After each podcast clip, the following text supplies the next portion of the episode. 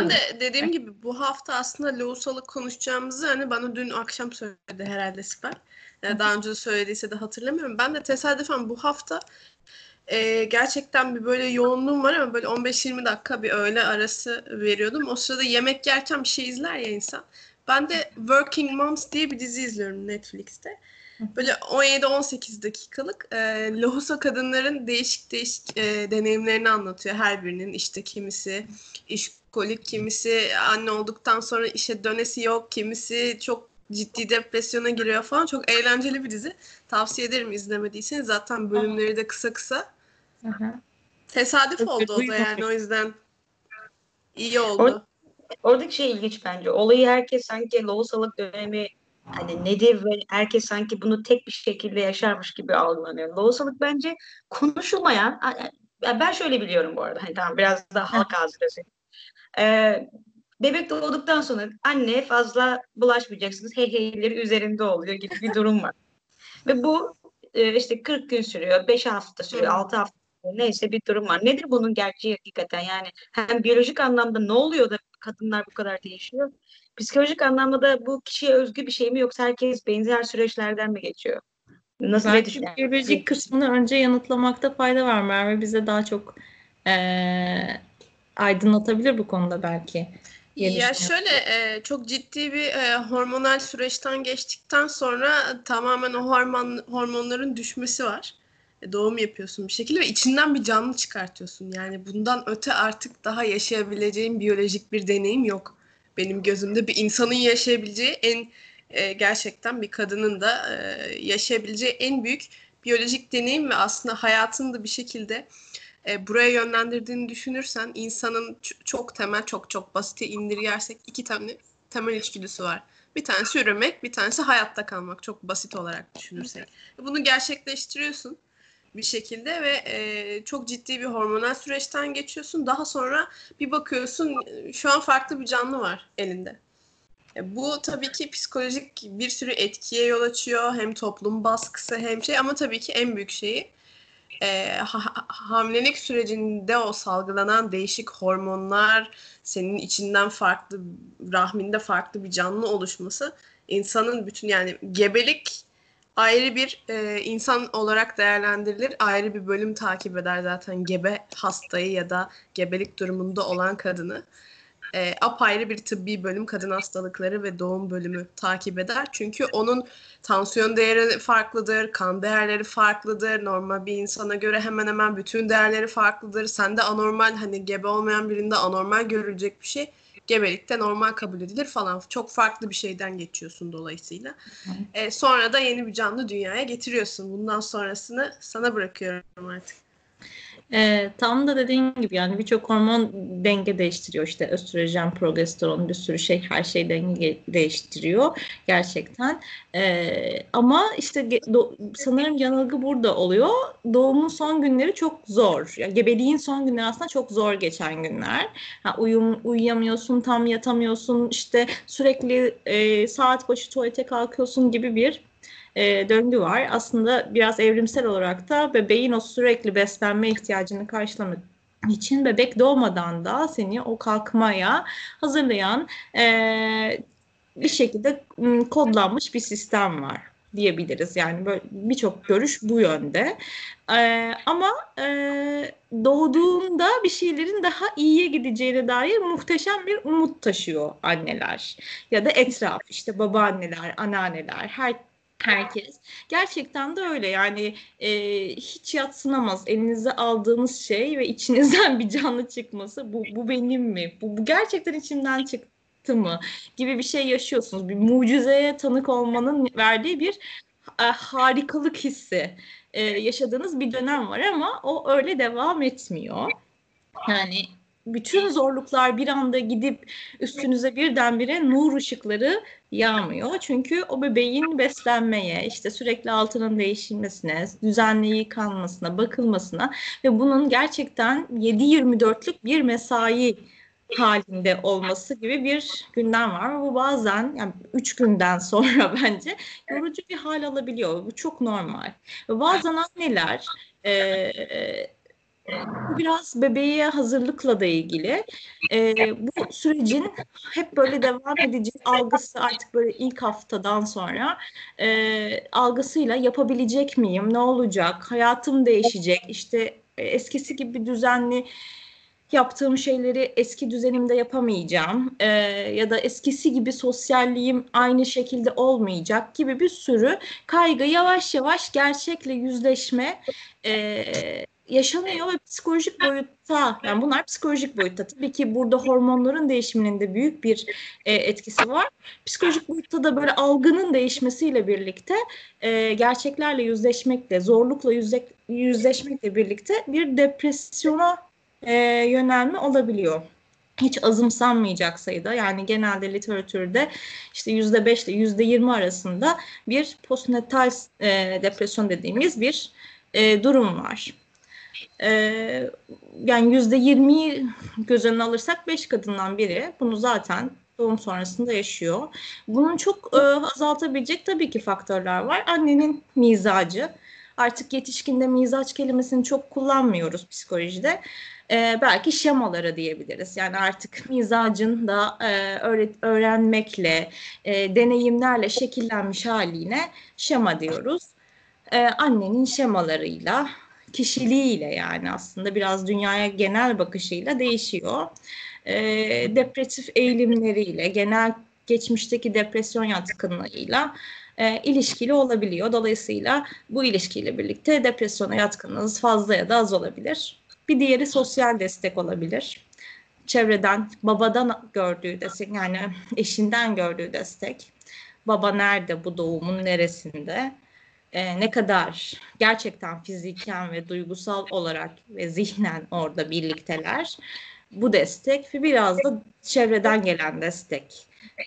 İşte anneanneler, babaanneler, konu komşular, teyzeler, hatta bazen hiç konudan çok bir haber amcalar, dayılar gerçekten hani şey yapmak istemiyorum. Ee, erkek ve kadın diye ayırmak istemiyorum ama bazen gerçekten şey diye düşünebiliyorsunuz. Hakikaten bu konu hakkında fikrin var mı amca senin? Demek istediğiniz dur- durumlar olabiliyor ama fikri var ve söyleme ihtiyacı duyuyor. Herkesin fikri var ve her fikir söylenme ihtiyacı e, içinde ama e, Loğusa bir kadın her fikri duymak istemeyebiliyor. E, istediği tek şey neye ihtiyacın var diye sor, sorulması olabiliyor ve neye ihtiyacı varsa gerçekten o konuda destek almak. Yani çünkü çok e, özellikle yakın çevresi zaten doğum yapana kadar kişiyi tanıyordur zaten. Annesi işte kayınvalidesi eşi tanıyordur diye umut ediyoruz. Tanıyorsa da e, az çok neye nelerden hoşlanıp nelerden hoşlanmadığını mesela ne kadar kendi alanına girilip ne kadar girilmesini istemediğini kestirebilir. Dolayısıyla boşuna kişiyi anneyi daha da zorlamamak lazım. O dönem. Ben çok fazla şeye şahit oldum. Ee, bunu belki iyi niyetli ya da kötü niyetli özellikle son sınıf internken ben e, işim e, yeni doğanda çalışırken e, kadın doğum servisini gezip bebekleri tartmaktı. E, sabahları başlardım bebekleri tek tek üstünü çıkartıp tartıyorum tabii. O sırada işte genelde ilk birkaç gün içerisinde bebekler e, sıvı kaybından dolayı doğduklarından biraz daha az kiloya gelirler. Ve bunu gören kayınvalideler genelde e, şey de yapmak istemiyorum. Çok bölüyorum ama bu tablo Türkiye'de mi? Türkiye'de evet Türkiye'de. Aha. Bak sütün yetmiyor senin. Çocuk doymuyor. Çocuk aç. Çocuk gidir.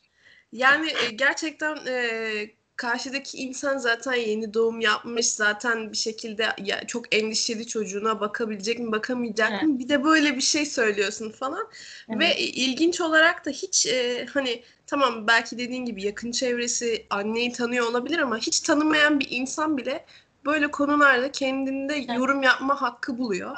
Evet. Toplumdaki herkes yani diyelim bebek elinde otobüse bindin x bir yere gidiyorsun bir kafede oturuyorsun ama bu çocuğa böyle yapmamak lazım falan. Gelip hiç tanımadığın bir insan e, çocuk hakkında sana bir şey söyleyebileceği şeyine sahip yani. Neden bilmiyorum. Toplum bir söz hakkına sahip gibi görünüyor. Herkes annelerin ne yapacağını söylemeye çalışıyor.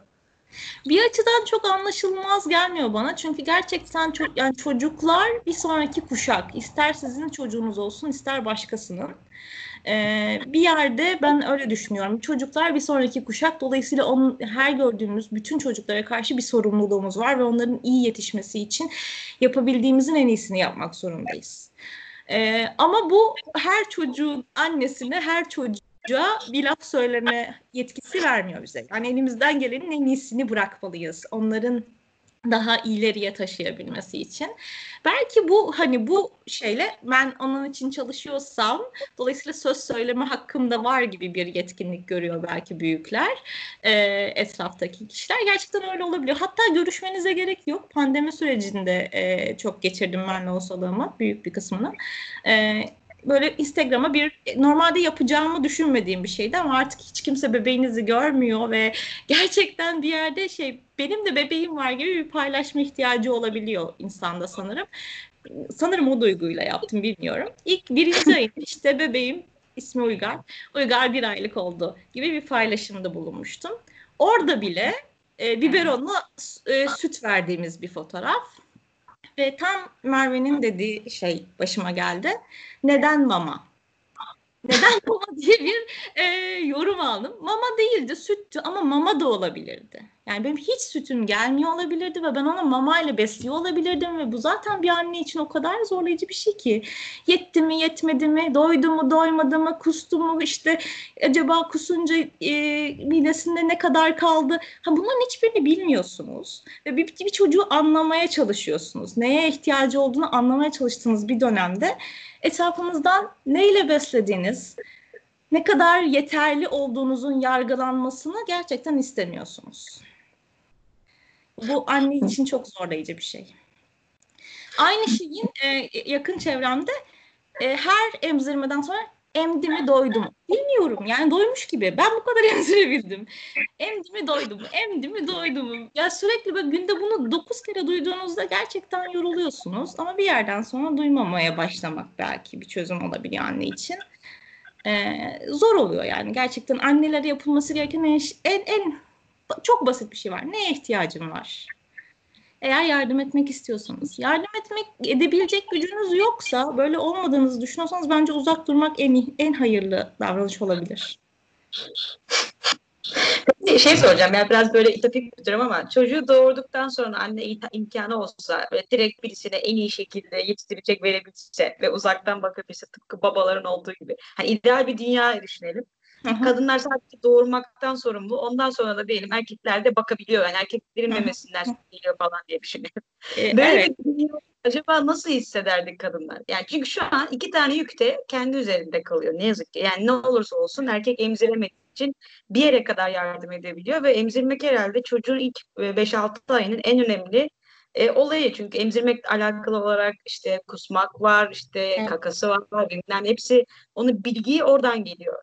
Ve öyle bir şey olsaydı mesela kadınlar aman al Allah aşkına e, sen bak der milerdi? Der miydi sen? Böyle bir duygu bence geliyor insana. Bana geldi yani. Bireysel olarak böyle bir şey. En azından böyle birkaç saat birisi baksın ya da bütün, bir bütün gün tam bir gün birisi baksın hissi geliyor ve bunu ben çocuğumu sevmediğim için düşündüğümü düşünmüyorum. Yani e, gerçekten çok seviyorum. Bence çok tatlı. E, ama böyle bir ihtiyaç geliyor bazen çok yorulduğunuzda. Ee, başkası alsın büyüsün gibi bir his değil ama en azından baba da emzirebilseydi gibi bir istek. Hakikaten böyle distopik bir dünya hayaliniz olabiliyor o çok zorlandığınız anlarda. Benim burada bir e, lezbiyen çift arkadaşım var. Yani iş yerinde beraber çalışıyoruz. Bunlar partner olarak şöyle anlaştılar. Bir, bir sefer kadın doğuracak. Yani bir, birisi doğuracak. Öbürü doğduktan sonra öbürü bakacak. Sonra öbürü doğuracak. Öbürü bakacak. Yani böyle şey gibi. Doğuran bakmayacak. Ha, temel anlamda tabii ki bakacak yani ikisi de. Ama böyle şey gibi hani ben bütün o hamilelik sürecindeki sıkıntıyı ben çektim. Ondan sonraki 9 ayı da sen işte gece kalkacaksın. Hani işte emzirmek evet ben zorundayım ama onun dışındaki bütün süreçlerde sen yapacaksın. Şimdi ben de onları dinlerken aslında mantıklı. Aslında, aslında onları tam onu diyecektim. Sen bunu erkek de yapabilir. Yani bu evet. lezbiyen sadece evet. anlayış gösterdikleri için olan bir şey bu.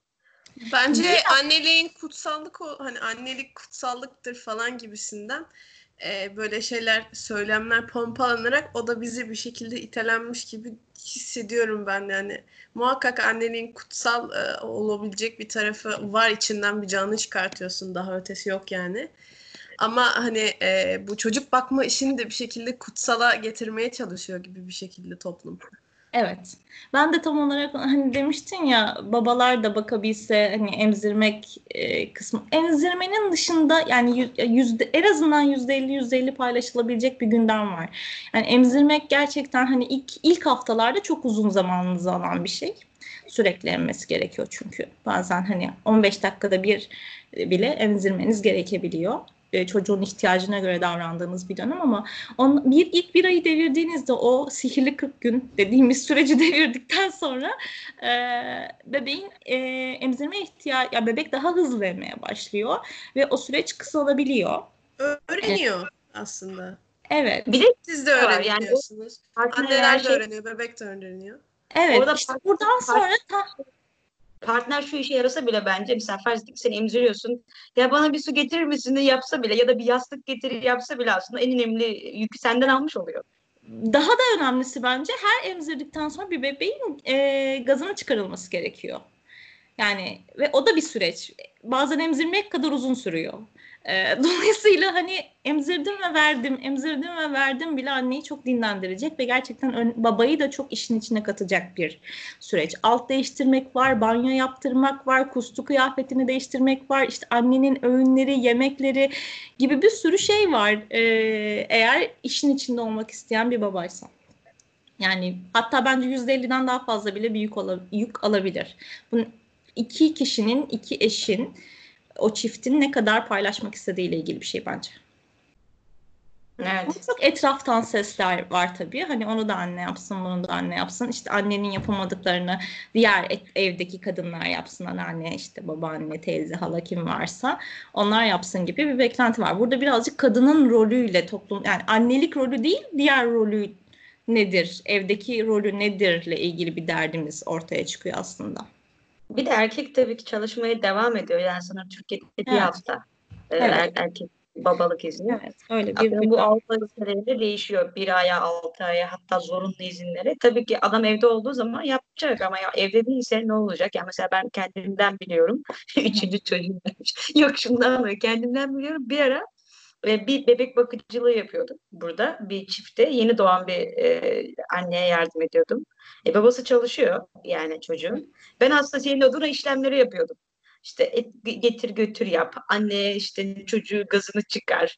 Ya da ne bileyim işte kustu bir şey yap. E, bilmem ne getir. Daha sonra e, ana şey babaannesi geldi ve o görev aslında bir şekilde paylaşmaya başladık. Ya da mesela ütü yapıyorsun.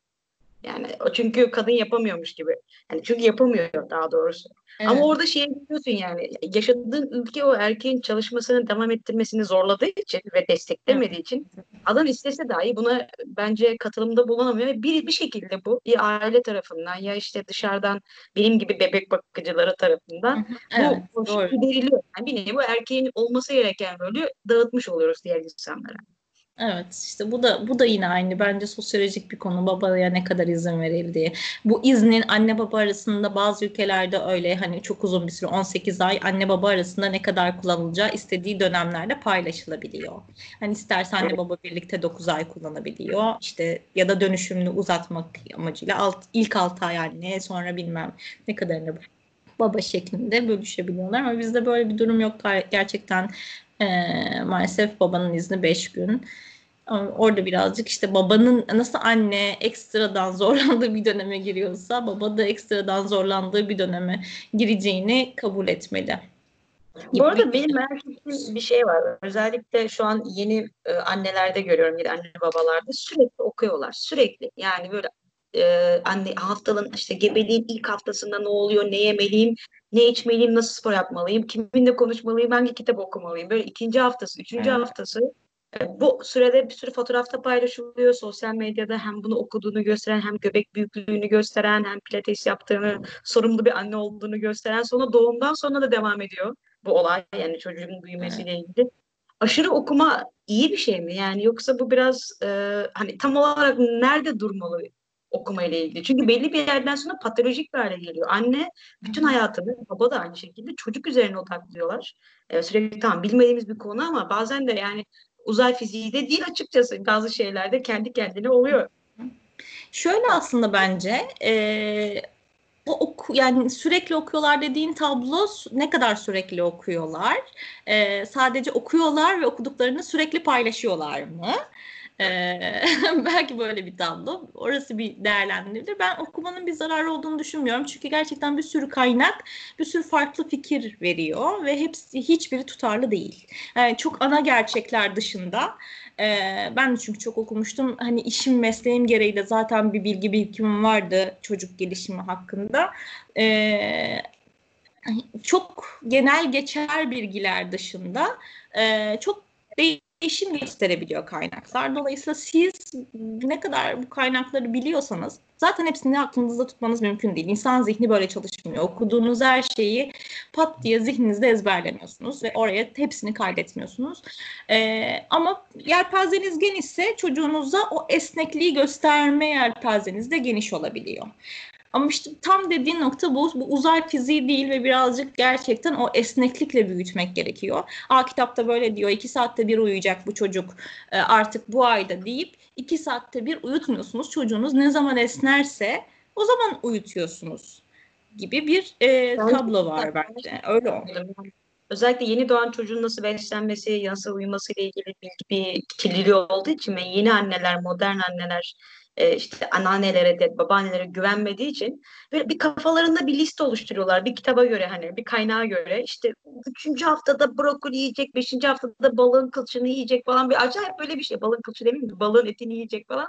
Böyle acayip bir liste ver kendi kafalarında ve onu uygulamaya çabalıyorlar. Çünkü dışarıdan birisi atıyorum mesela çorba içmeye ne zaman geçmeli çocuk tamam mı? İşte mesela senin annen benim üçüncü haftada geçmiş, öbür beşinci haftada geçmiş, öbür sekizinci haftada geçmiş. Hemen karşındaki diyor vardır ya böyle inek çocuk tipleri hani sürekli derste şey derler. Ama kitapta sekizinci haftada yazıyor falan. hani bazen evet. o haftada geçti çocuk olmaz muhtemelen yani ama böyle şey muhabbeti var. Aşırı derecede kitaba bağımlı olduğun zaman da e, böyle sürekli şey gibi olmaya başlıyor. Hani kitabına uygun büyütmeye çabalıyorsun ve o kitabın garantisi de yok doğruluğuna dair. Yok. Bir yol göstericisi. Rehber aslında işte dedi, dediğim gibi bence kitabı okumanın bir zararı yok. Çünkü kitaplar bence rehber. Bize aktarılan e, çalışma bilgileri olan kitaplar var paylaş yani tecrübe bir tecrübe aktarımı olan kitaplar var uzmanlarca yazılmış. Artık sizin için hangi ekol hangi şey e, mantıklı geldiğini anlamak için okumanız gerekiyor. Ben okumanın e, tuhaf olduğunu düşünmüyorum. Bu kadar okuma e, özürlü bir ülkede hani bir şeyleri çocuğunuz için okuyorsanız harika. Ama tam dediği nokta çok kilit bir nokta. Yani ben buna göre okuyorum ve bu olacak diye bir şey yok. Yani çocuğunuzu izlemek zorundasınız. Asıl okumanız gereken şey kendi bebeğiniz. Yani onu bir mizaç da doğuyor. Belki işte en ufak bir ışıkta, seste bir şeyde daha huzursuz olan bir bebek ona göre odanızı düzeltmelisiniz. Yani uzmanların dediği gibi işte gündüzleri bütün pencereler açık, ışıklar açık, uyumalı gibi bir şey belki ona çok iyi gelmiyor. Hafif daha loşuz seviyor. Bunu keşfetmek üzerine bir sistem. İki saatte bir beslenecek dördüncü ayda, üçüncü ayda diyelim ki. Hayır bir buçuk saatte acıkabilir. Ee, gibi bir şey var. Dolayısıyla o açlık şeyini bir yerden sonra tanışmak. Hani o ilk sihirli 40 gün bence o biraz tanışmak. E, ne kadar zamanda çıkıyor, büyüdükçe bu süre değişiyor. O aç, acıktığında ne yapıyor, uykusu geldiğinde ne yapıyor, burnunu mu kaşıyor, işte mızıldanıyor mu, ağlıyor mu? E, biraz kendi çocuğunuzu okumak ki bu bence çok e, yaşam boyu olan bir şeyler e, sadece bebeklik döneminde değil, o loğusolukta bir bebeklikte değil, yaşam boyu e, çocuğunuzun ihtiyacını okumanız gerekiyor. Genel geçer bilgiler, e, kuşaklar aktarılmış ya da kitaptan gelen bilgiler hangisi işinize nasıl yarıyorsa onu esneterek kullanmanız gereken bir süreç oluyor. Yani bence bilginin, bilginin bir zararı yok. Bilgiyi e, böyle şey gibi bir e, sınav gibi çocuğun üzerinde uygulamanın bir sıkıntısı var. Peki bu loğusalık tam olarak 40, 40 gün sürüyor muhabbetinin bir biyolojik şeyi var mı altyapısı? Yani mesela benim bildiğim kadarıyla işte e, adet olma süreçleriyle ilgili değişiklikler oluyor süreçte. işte kanamalar devam ediyor. Ya emzirdiğin için, e, emzirme sürecince e, başka hormonlar aktive olduğu için senin bir şekilde üremeni engelleyecek aslında doğal e, bir doğum kontrol yöntemi. E, doğanın bir şekilde sağlamış olduğu hali hazırda ufak bir bebeğin varken tekrar hamile kalmanı engelleyen bir mekanizma aslında ama tabii kazalara neden olabiliyor buna güvenmeyin. Bunu da söyleyeyim buradan. E, özellikle emzirme süreci başladığı zaman e, aslında döngüsü normale döne, dönene kadar e, döndükten sonraki belki e, dönene kadarki süreci belki lohusalık olarak değerlendirebiliriz diye düşünüyorum biyolojik olarak. Yani adet döngüsünün artık normal üreme döngüsünün bir şekilde ger, e, yerine gelmesine kadarki olan dönem doğumdan O da, itibaren. o, da ortalama e, 40 gün falan mı sürüyor? E, kişiden kişiye göre değişiyor. Yani çok net bir e, günü yok. Ama mesela kiminin doğum yaptıktan sonra kanaması uzun sürebiliyor, kiminin hemen kesiliyor, kimi işte e, sezaryenin yaygın olması nedeniyle farklı farklı şeylerden geçebiliyor yani. Emzirmekle ilgili de bir süreci var. Yani o kadar geniş bir ben de yeni okuduğum için oradan biliyorum.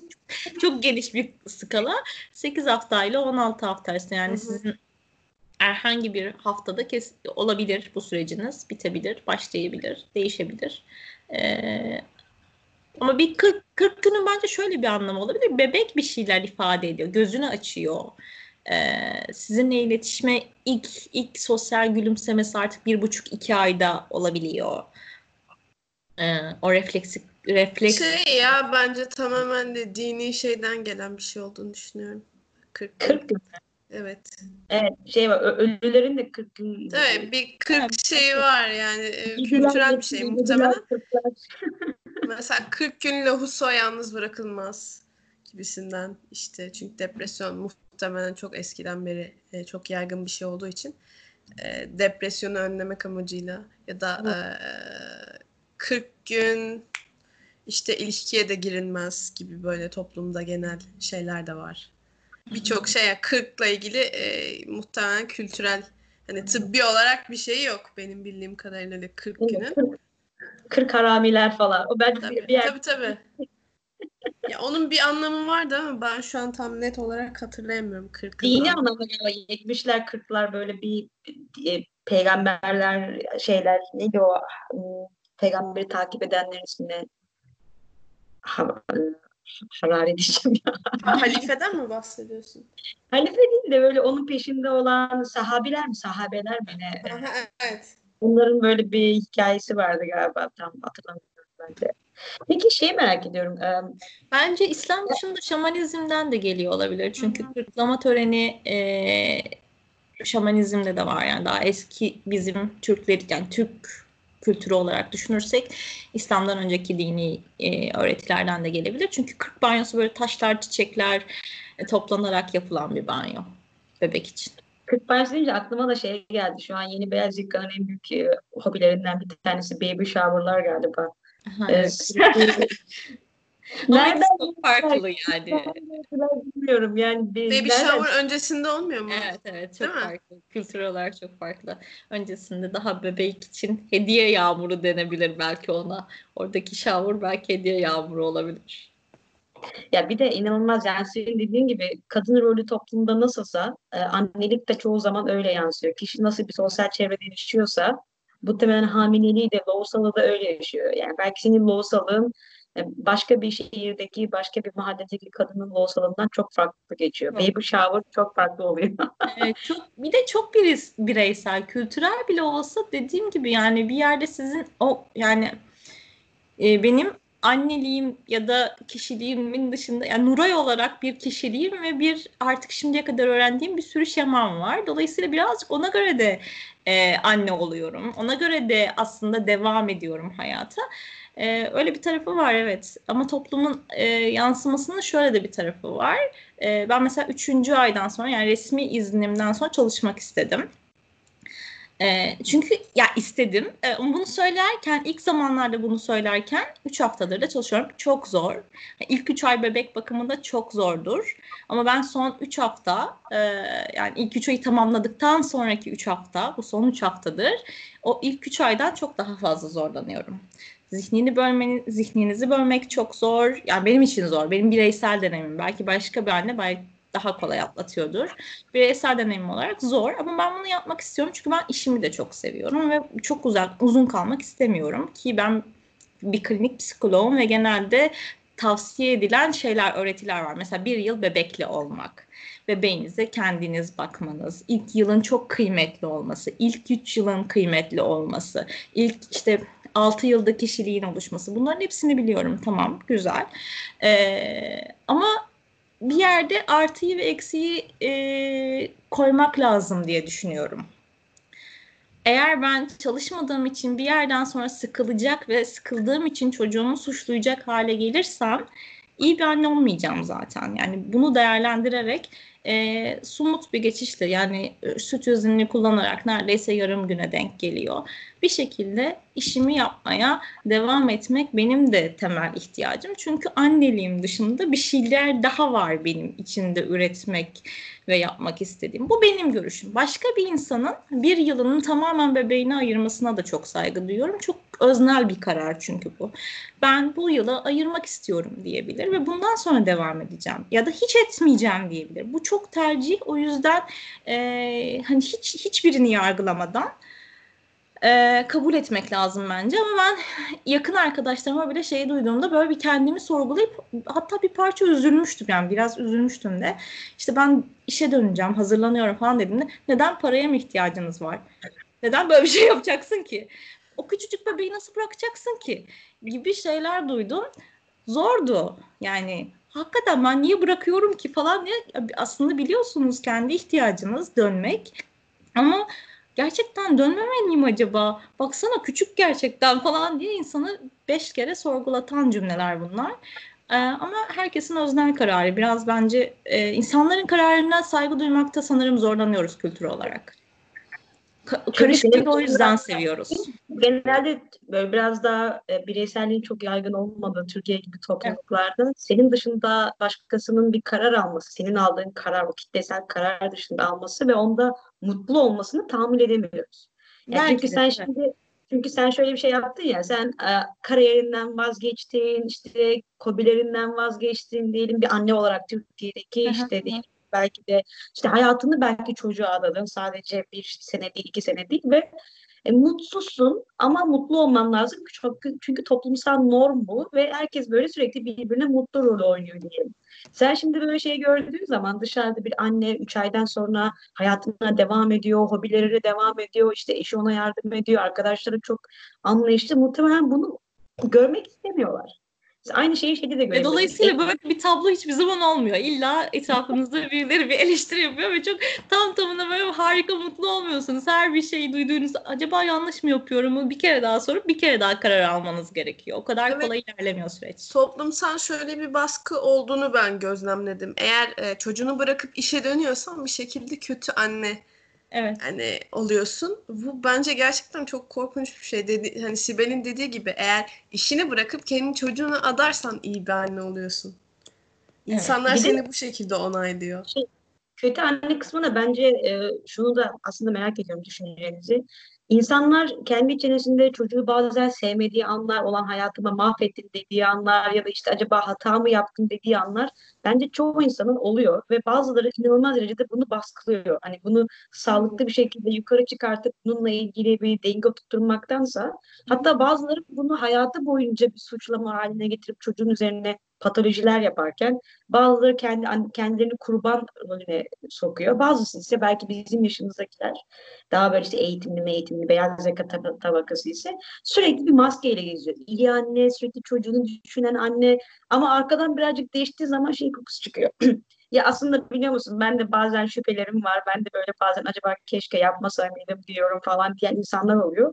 Bu kötü anne kısmında bir de şey var. Azıcık çocuğunu eleştirdiğin zaman azıcık böyle acaba hata mı yaptım dediği zaman dışlanacaksın. Ee, hiç kimse böyle düşünmüyor. Sadece sen böyle düşünüyorsun ve bunu kesinlikle söylememen gerekiyor. Çünkü söylersen böyle acayip taşlanacaksın gibi bir hava da var. Ve bu böyle sürekli kapalı kapılar ardından belki çok fiskos halinde çok yakın bir arkadaşın da söyleyemiyor ama herkesin bildiği doğru yalanlar gibi bir durum var. Yani herkes aslında kendi içinde bunu düşünüyor, konuşuyor, sorguluyor ama dışarı hep mutlu anne, ideal anne modu çıkıyor. Bu da inanılmaz baskı oluşturuyor olsa gerek. Evet çünkü in, bence de böyle çok katılıyorum. Çünkü bunun nedeninin de kişisel olarak şöyle düşünüyorum. Ee, getirdiğiniz bir hayatınız var. Gerçekten bir yaşantınız var, bir düzeniniz var. Yani kaç yaşında anne oluyorsanız olun, isterseniz 20, isterseniz 30, şimdiye kadar yaşadığınız bir hayat var ve kendinizden sorumlusunuz. Bir bebek hayatınızda e, bazen kendinizden bile ön plana koymanız gereken ihtiyaçları olabiliyor. Yani gece uyku, kaç kişi uykusunu bir buçuk saatte bir bölüp alarm kurup kalkar ki?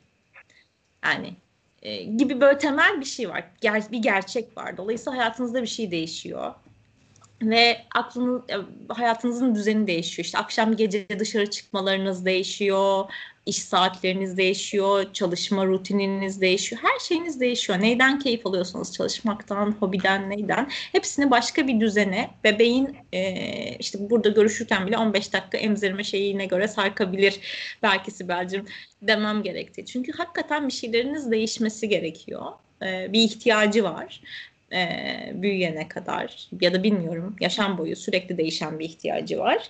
Bir önceliğiniz haline alıyor ve bunu kabul etmek şu ana kadar getirdiğiniz yaşantınızın bu kadar değiştiğini kabul etmek her yeni deneyimde yeniden yeniden yüzleştiğiniz bir şey ne kadar pişman olur bilmiyorum kişiden kişi ama en azından en azından şu geçiyordur aklından insanların. Daha geçen gece eşime söyledim. Böyle bir akşamüstüydü çok güzeldi ve dışarı çıkmak yani 9 gibi falandı. Ee, bebeğimiz de. Ve dışarı çıkmanın hani böyle bugün çok sıkıldık çok da yorulduk dışarı çıkalım diyeceğimiz bir akşam ve çıkamıyoruz şu anda değil mi dedim. Yani hakikaten en, en küçük haliyle şu an çıkamayız değil mi? dediğiniz anlarınız oluyor.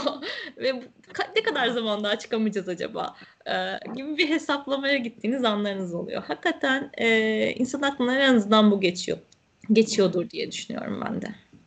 En, en şey, şey haliyle şeyi merak ediyorum. Mesela şimdi dedik ya yaş olayı. Geçen gün bizde işte ilk e, ilk sağlıklı e, cinsel ilişki hangi yaşta olmalıdır diye bir konu konuşmuştuk Müjde Hoca'yla.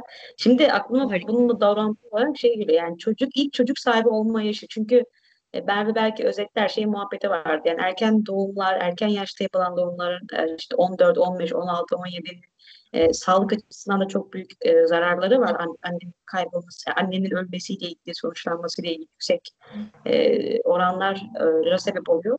Bunun peki psikolojik anlamda mesela anneliğin bir e, yaşı yaşadığımız çağda artıyor da. Yani sosyolojik anlamda da artıyor. Yani artık işte e, ortalama 30-35 yaş hallerine geldi. Önceden 20-25 yaş arasındaydı. Çünkü bir erteleme olmaya başladı. Evlilik son evlilik yaşında ilerleme var, çocuk sahibi olma yaşında ilerleme var.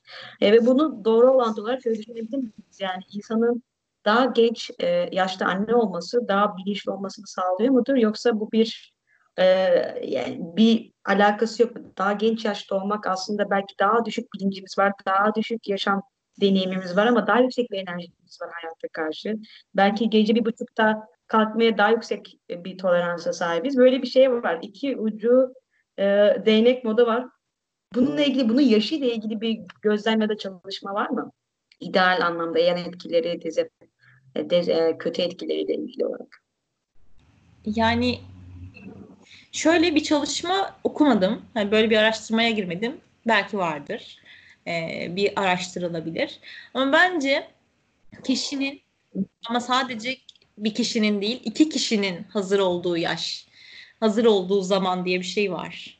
Ee, ne olursa olsun e, sürpriz bir bebek bile olsa e, bu bebeği istiyor muyuz istemiyor muyuz şimdi is, şimdi istiyor muyuz istemiyor istemiyor muyuz düşünme hakkı olmalı ve buna bir net bir cevap vermeliler çünkü kalıcı bir hayat değişimi e, Allah korusun bebeğinizi kaybetseniz bile doğumda ya da işte kısa bir süre sonra siz artık e, bebeğini kaybetmiş bir anne oluyorsunuz. Yani bunu istiyor musunuz? Bu zihninizde böyle bir şeyi taşımak istiyor musunuz? İster biyolojik olarak ister duygusal olarak böyle bir şeyi title'a hazır mısınız? Yani ister toplum versin bu e, rütbeyi size ister kendiniz kabul edin.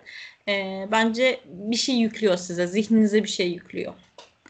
Ve bu yüke hazır mısınız? Bu önemli bir yük bence. Yaşam boyu. Dediğim gibi bebeğinizi kaybetseniz bile yaşam boyu taşıyacağınız bir yük bence bu. Sana bir kişisel bir soru soracağım. Sence senin loğusalık döneminde en zor geçen üç şey neydi? Yani ve en hoşuna giden üç şey neydi? Seni en çok mutlu eden? Hmm. Bu arada sosyal gülümseme lafını çok sevdim. Kenara yazdım onu. Çocuğun sosyal gülümsemesi. Literatürde geçen bir kelime aslında. Çünkü refleksif gülümseme dediğimiz bir şey var bebeklerde. Evet, sosyal, sosyal olmayan gülümseme var yani. Evet. Böyle bir sırıtması var. Evet evet. Uykuya dalarken ya da böyle kendi kendine e, gülümsemesi. Refleksif gülümseme. Sosyal gülümseme biraz artık göz teması kurup siz güldüğünüzde gülmesi. Siz Ve bence o insan e, o sosyal gülümsemeyi hayatı boyunca çok az kullanıyor. Yani çoğu zaman o refleksif gülümsemeye devam ediyor. Umarım öyle olmuyordur birçok Umarım öyle değildir. Ee, düşünmeye fırsat tanıdım ama herhalde aklına gelmiyorsa çok emin değil. Yani üç tane kelime bilmiyorum. Sayılara şey kalmayalım ama e,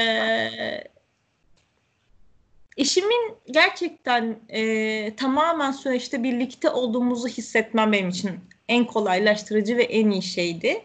Ve bence böyle bir zor bir şey. E, bu bazen bebek olmayabilir başka bir şey de olsa çalışmalar gösteriyor ki çiftler arasındaki zor bir şeyi birlikte yapmak birlikte başarmak ilişkiyi yakınlaştıran da bir şey. Bebek de bunlardan biri olabilir. Tam tersine ayırıcı bir şey de olabilir tabii ki. Bir savunma mekanizması haline girip annenin bebeğe yapıştığı ve babanın çok dışarıda kaldığı durumlarda olabilir ama e, bir şeyi zor olarak algılayıp bunun üzerine birlikte harekete geçmek e, ilişkiyi de iyileştiren bir şey olabilir. Her zaman böyle evlilikte çocuk çok korkunç bir şey olmayabilir ya da herhangi bir ilişkide çocuk çok korkunç olmayabilir diye düşünüyorum. Bana iyi gelen oydu.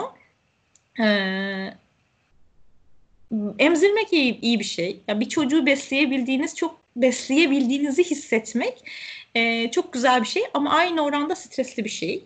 E, yetti mi, yetmedi mi? E, doydu mu doymadı mı gibi kaygılı bir şey. Bu da mesela benimle ilgili. Belki başka bir anne hiç böyle bir kaygı yaşamıyor ama ben zaten yaşamamda kaygılı bir insanım.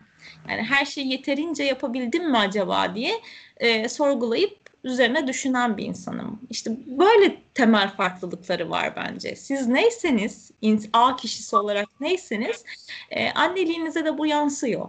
Yansımaması mümkün değil e, bir şey bir, bir canlıyı bir bebeği besleyebilmek güzeldi emzirebilmek güzeldi. E, ne zorladı? E, çok pandemik bir döneme geldi. Dolayısıyla biz hani çok fazla insan görmedik ama dediğim gibi sosyal şeyler çok zorlayıcı. Gerçekten çok zorlayıcı. Bu en yakınınızdan oluyor olabiliyor. İşte çok basit bir şey bile bilmiyorum e, Merve belki bu şeyi e, öyle hormonal açıklanabiliyor mu alınganlıklar bu bir alınganlık mı bilmiyorum ama şey bile e, zor oluyor mesela emdi mi doydu mu sorusu bile dok, dokuz kere e, duyarsanız günde zor oluyor gerçekten.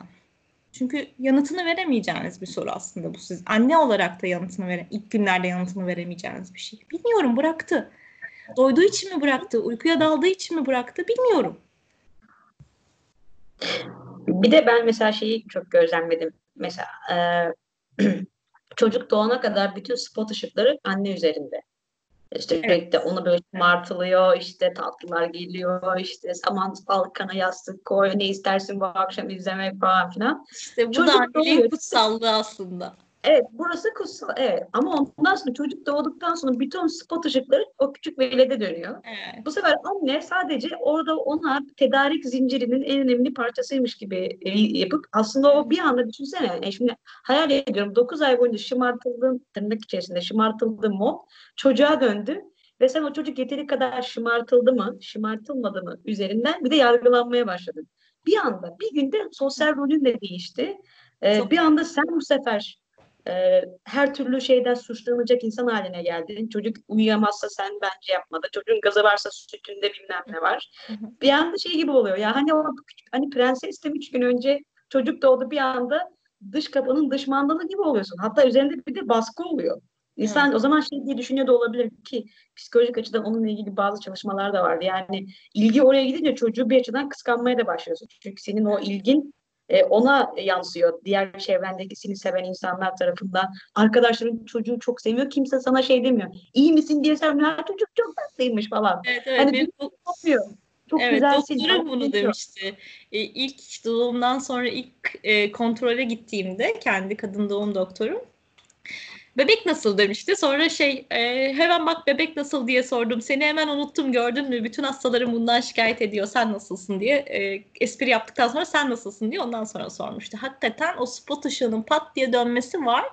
Bilmiyorum anneler bunu nasıl yaşıyorlar. Ama benim deneyimim şöyle olmuştu. Benim de spot ışığım ona döndüğü için etraftaki gözlerin ona dönmesini e, tuhaf ve kötü karşılamamıştım bireysel deneyim olarak.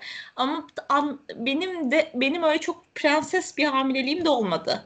Gebelik sürecinde öyle çok prenses modda geçirmedim. Son 36. haftanın son gününe kadar çalıştığım için e, böyle şey. Ondan sonrasında gelsin artık şu çocuk tatil şeyi e, geçirmesin zamanını şeklinde geçirdiğim için e, çok öyle prenses modda oldum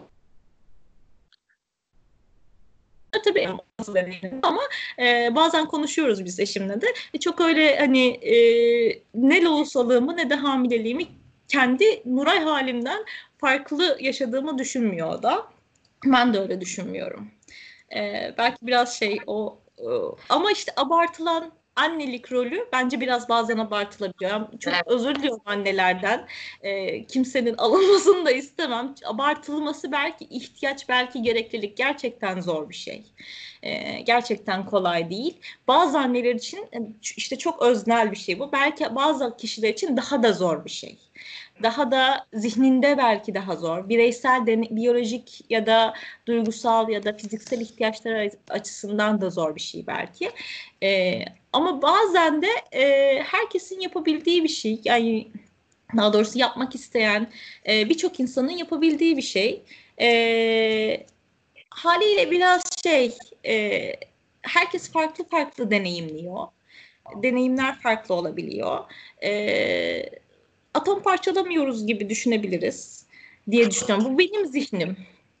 E, o yüzden özür diliyorum. E, hakikaten e, şu an mesela atıyorum ben çevremde gözlemlediğim kadarıyla e, kadınlar öyle bir işte özel doğum kurslarına gidiyorlar, pilates, ıkınma, ıkınma mutlaka kolaylaştırıyordur bunlar yani. Muhakkak kolaylaştırıyordur ama e, hakikaten bir anda da ayakta çocuk doğuran, böyle affedersiniz sıçarmış gibi çok çocuk doğuran kadınlar da var. Yani bu böyle bir e, bu kadar böyle sanki çok zor bir şey yapıyormuşuz, imkansızı başarıyormuş gibi düşünmememiz gerekiyor. Çünkü bu da inanılmaz bir baskı oluşturuyor insan üzerinde. Bütün her gününü 9'dan 6'ya kadar bugün 4-5-6 arası şu seanslarım var. 6-7 arasında işte pilatesin bilmem nesi var. Bu sayede bilmem ne kaslarımı açıyorum. Doğrudur bu arada. Mutlaka etkiliyordur. Ama bir yerde aslı ne derdi o şeyi daha fazla olabilir psikolojik baskısı biyolojik yararında. En iyisini yapma isteği sanırım bu insanlarda ama en iyi her zaman e, iyiyi öldüren bir şey gerçekten. Bir yerde e, iyi iyiyle yetinmek. E, çok iyi bir kuramcının çocuk gelişiminde, çocuk ruh sağlığında çok iyi bir kuramcının bir sözü var Winnicott'ın. Yeterince iyi annelik yeterince iyi ebeveynlik, yeterince iyi çok önemli bir şey e, psikolojik açıdan da. Çünkü bazen hakikaten oradan oraya parçalayabiliyoruz kendimizi. Bu gebelikte işte o kurstan bu kursa koşmakla başlayıp ve işte haliyle bu kadar yorulunca biraz çok fazla emek verince çok veren çok da bekleyebiliyor. E, ben bu kadar uğraşıyorum dolayısıyla evet prensesim gibi bir hale de bürünmüş olabiliyorsunuz. Çünkü uğraşıyorsunuz gerçekten hani hayatınızda sarf etmediğiniz bir efor sarf etmeye başlamış oluyorsunuz. Ee, öyle bir prenses moduna girme eğilimi olabiliyor. Ee, belki onunla ilgili olabilir. Bir de aklıma somut bir örnek geldi. Çok. Mesela belki arkadaş olarak ya da arkadaşlarımıza yapabileceğimiz bir durum ya da ileride işte hala teyze falan olursak. Ee, mesela yeğenin olduğu zaman ya arkadaşının çocuğu olduğu zaman onu mesela ziyarete gittiğimiz zaman direkt çocuğa hediye almak değil belki o arkadaşımıza da hediye alarak aslında onu da düşündüğümüzü yani direkt çocuğa elbise almak değil de sana diyorum senin okumak istediğin bir kitabı almak. E sen onu yapmasan ya da sana diyelim makyaj çantası almak, sana ne bileyim işte gözlük kılıfı almak, gözlük almak, işte kalem almak neyse senin zevklerin ölçüsünde bunu aldığın zaman e, o insan da aşırı mutlu olacaktır. Aa, evet yani düşünsene sürekli çocuğa elbiseler geliyor. Anne böyle orada tamamen şey gibi yani e, bir, bir tür böyle sadece doğumda mükellef gibi oluyor. O bile aslında e, o kişinin birey olarak hala anlamını devam ettirdiği açısından yani anneyle ala- alakalı olmayan hediyelerden bahsediyorum. Ya Anladım. gitti mesela şey değil işte ne onun ismi e, süt pompası cihazı almak değil de Hı hı. annenin kendi e, boş zamanında vakit geçirmekten zevk aldığı bir film olabilir, bir şey olabilir. Bu tip şeyler almak aslında Netflix Fena mesela. değil bence. Siz, yani şey mesajı verebilir. Ne, ne kadar mutlu kişiden kişiye değişir. Ne kadar mutlu olur kişi bilmiyorum. Yine bu, bu da çok öznel bence. Hepsi, her şey it depends. Çok şey hali var psikolojide. Kişiden kişiye değişir.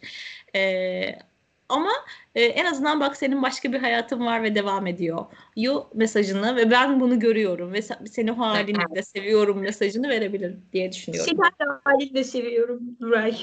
Ee, şeyi tamamlamak isterim ama bu işte gebelikte başladığımız o koşturma ve çok emek veriyorum hali çocuk doğduktan sonra da devam ediyor işte. O kitapların okunması, o çocuğun saatli beslenmesi, şöylesi böylesi derken bir sürü kitap okudum, şunu yaptım, bunu yaptım. Haliyle çocuktan da bir beklenti gelmeye başlıyor. Çünkü çok veriyorum.